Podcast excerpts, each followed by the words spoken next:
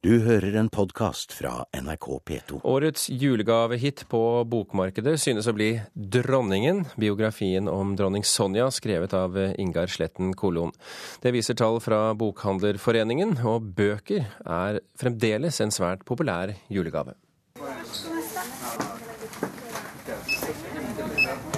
Det er travle tider hos bokhandlerne like før julaften. Som her ved Ark Majorstuen i Oslo. Jeg kjøpte en bok om Berlin til kjæresten min.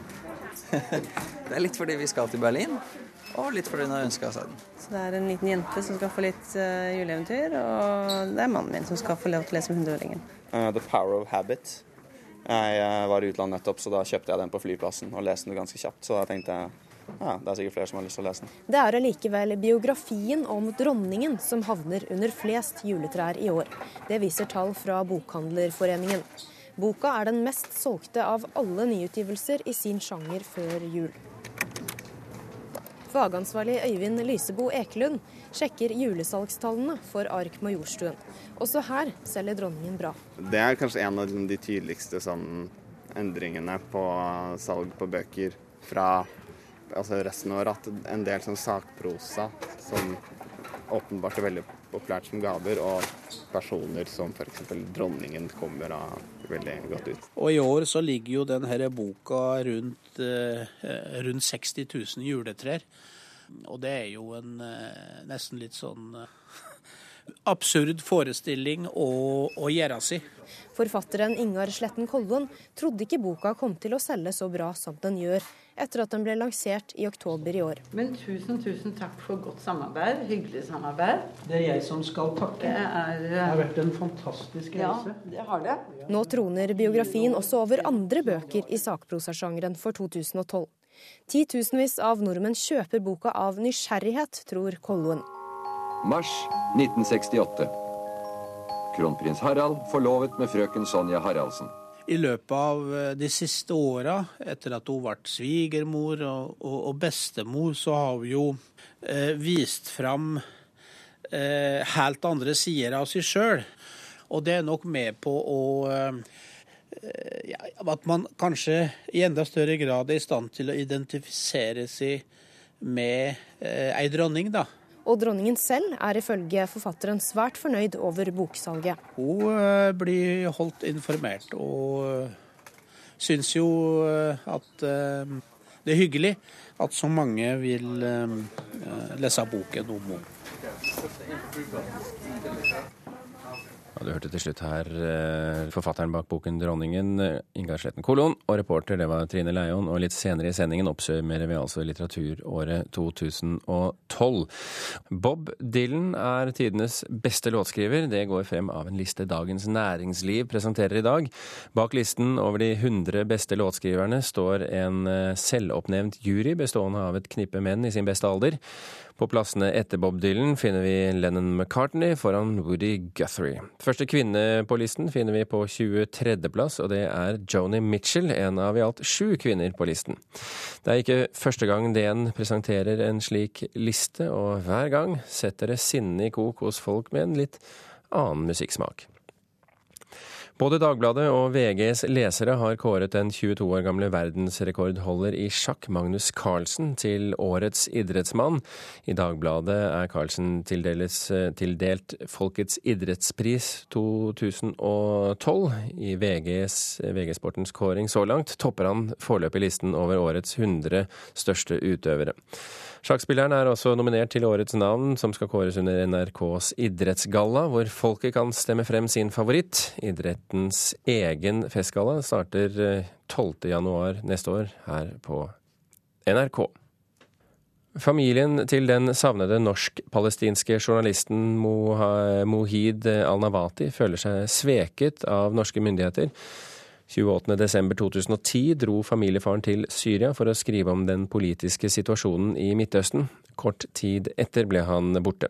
Hjemme i Hedmark har familien snart ventet i to år, men ennå ikke hørt noe nytt om al-Nawati. Alle som mister faren sin, som savner han. Alle savner han jo. Han savner faren sin, elleve år gamle Mohammed al-Nawati. Men man, man, må jo bare ta det som det går. Ildseng i Stange i Hedmark. 28.12. er det to år siden mannen til Ibda Sam og de seks barna, journalist og forfatter Moheb al-Nawati, dro til Syria på arbeid med boka si om den politiske situasjonen i Midtøsten. Vi mistet kontakt noen dager før han skulle komme tilbake. Familien flyktet fra Gaza i 2008 etter at Moheb hadde skrevet bok om de politiske forholdene i Midtøsten. En eh, nettside. Og vi trodde at eh, hvis vi gjør sånn, kanskje hjelper, han til å komme ut. Sønnen Marj viser Facebook-siden der de ber om hjelp til å finne faren. Det har ikke hjulpet noe. Moheb al-Nawati har norsk pass og er medlem av Norsk Journalistlag. Jeg forteller eh, til OD hvilken vinkel, men ikke gjorde ingenting. Kona Ibtisam og eldstesønnen på 20 mener norske myndigheter har gjort for lite for å finne ut hva som har skjedd. Bare vent og se, se. Nå, stopp. Jeg vet at de hadde sjansen for noen år siden eller noe. Dette er jo en dypt tragisk sak. All den tid han er, er forsvunnet og vi ikke klarer å finne informasjon om hva som kan ha skjedd med vedkommende. og Dette må være, det må være tungt for familien. Underdirektør Frode Andersen i Utenriksdepartementet sier UD har gjort det de har kunnet for å finne ut hva som har skjedd. Ja, her har vi brukt det kontaktnettet vi har, både det offisielle og det mer uoffisielle kontaktnettet vi har i Syria. Og, og det vi kommer opp med er ikke noe bekrefta informasjon om hva som kan ha skjedd. Vi har gjentatte ganger vært i kontakt med syriske myndigheter, og til og med helt opp på utenriksministernivå, og får det samme svaret hver gang, at de ikke er kjent med hvor vedkommende oppholder seg, eller hva som har skjedd. Syria er et av de farligste stedene i verden for journalister nå. Minst 17 journalister er drept i landet siden oppstanden begynte i mars i fjor, og minst 30 sitter fengslet, ifølge Reportere uten grenser. Etter at den norske ambassaden i Damaskus ble stengt pga. krigen, er det blitt enda vanskeligere å få informasjon. Det er viktig å vite hva det er som har skjedd. Journalist Tone Øyeren i støttegruppa for Moheb al-Nawati er en av dem som har engasjert seg i forsvinningen av journalistkollegaen. Her er det en journalist som er blitt uh, anholdt og uh, helt åpenbart uh, fengslet av den ene grunnen at han er journalist. Øyeren sier Norge har svikta Moheb. Det kunne vært gjort mye mer fra, fra fagforeningene, fra Amnesty, fra menneskerettsorganisasjoner. Det har vært lite medie oppmerksomhet på den, og alle menneskerettsorganisasjonene har henvist til sine internasjonale kontorer, bare svart at de har nok å gjøre. Vi vil fortsette å følge opp den saken her, men, men jeg tror alle som ser situasjonen i Syria i dag, skjønner at det å få god informasjon ut fra Syria, sånn som situasjonen i det landet er nå, skjønner at det, det er vanskelig. Jeg sitter hjemme, ser din bilde og, og gråter. Tårene triller på Ibdisan når hun ser bilder av mannen hun giftet seg med for over 20 år siden. Jeg tenker masse, og jeg er trist. Jeg vet ikke hva jeg skal gjøre. Nå går hun og barna et nytt år med uvisshet i møte. Men de har ikke mistet håpet om å se mannen og faren sin igjen. Vi venter, venter. Inshallah skal tilbake til hjem. Ja, også jeg håper. Håper en dag han skal komme. Det sa journalist og forfatter Mohed Al-Nawatis sønn Maid og kone Ibtisam til slutt her. Reporter var Stein S. Eide.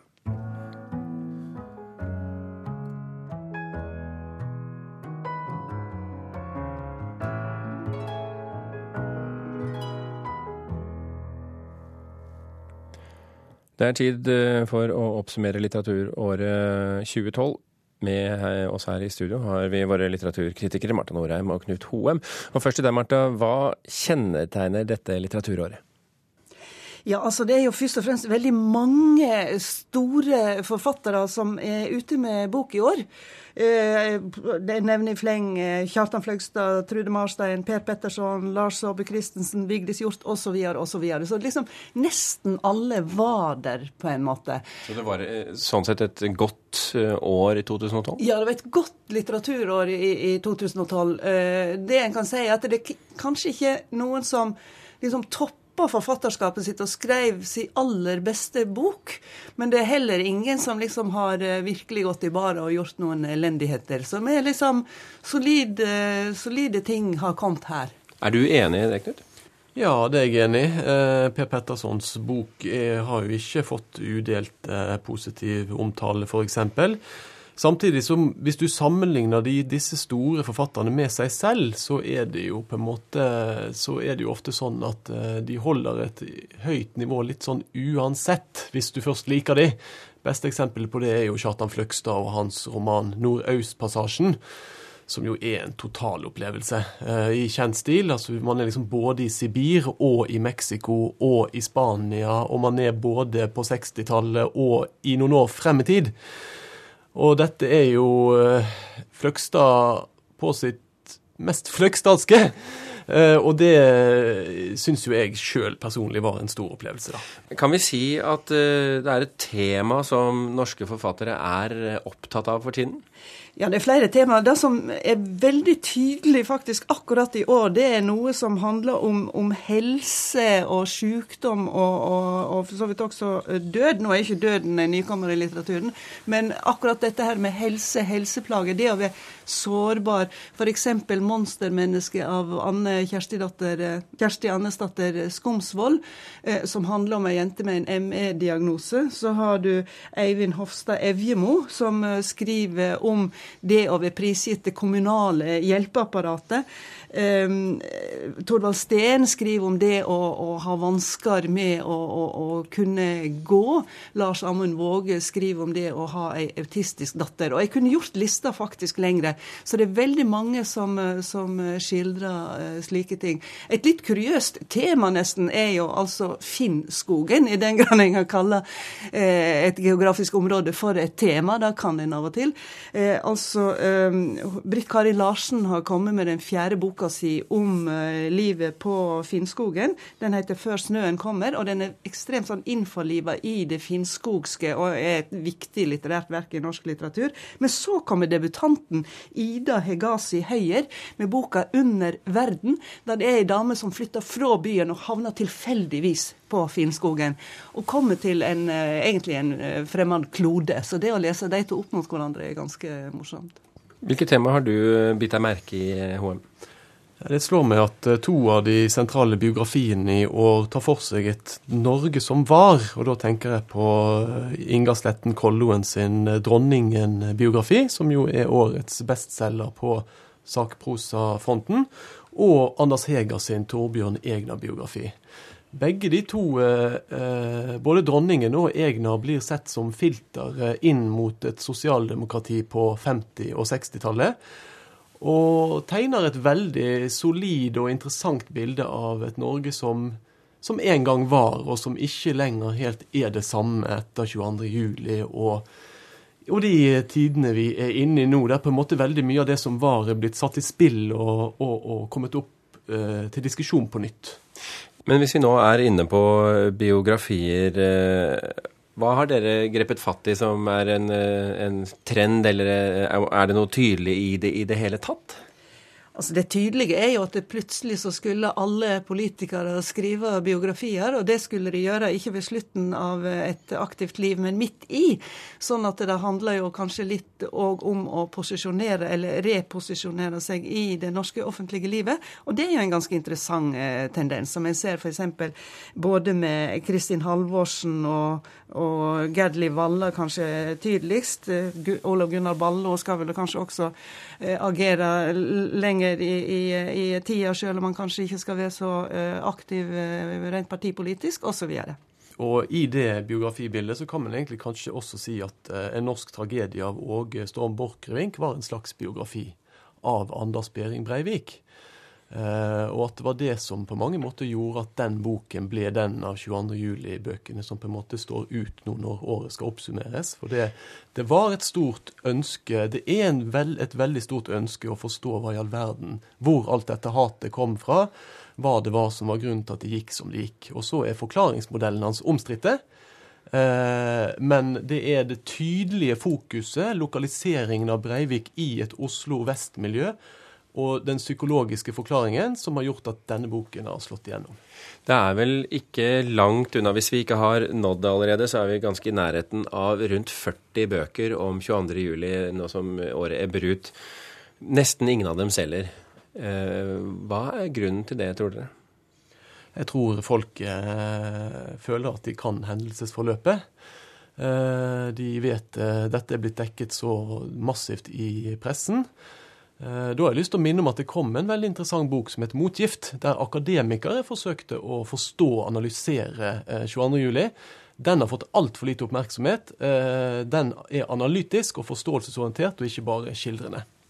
Og så kan det jo hende òg at spørsmål omkring høyreekstremismen i Europa framstår som mer aktuelle enn akkurat Breivik og det som skjedde på Utøya, liksom nå etter hvert som månedene og åra går.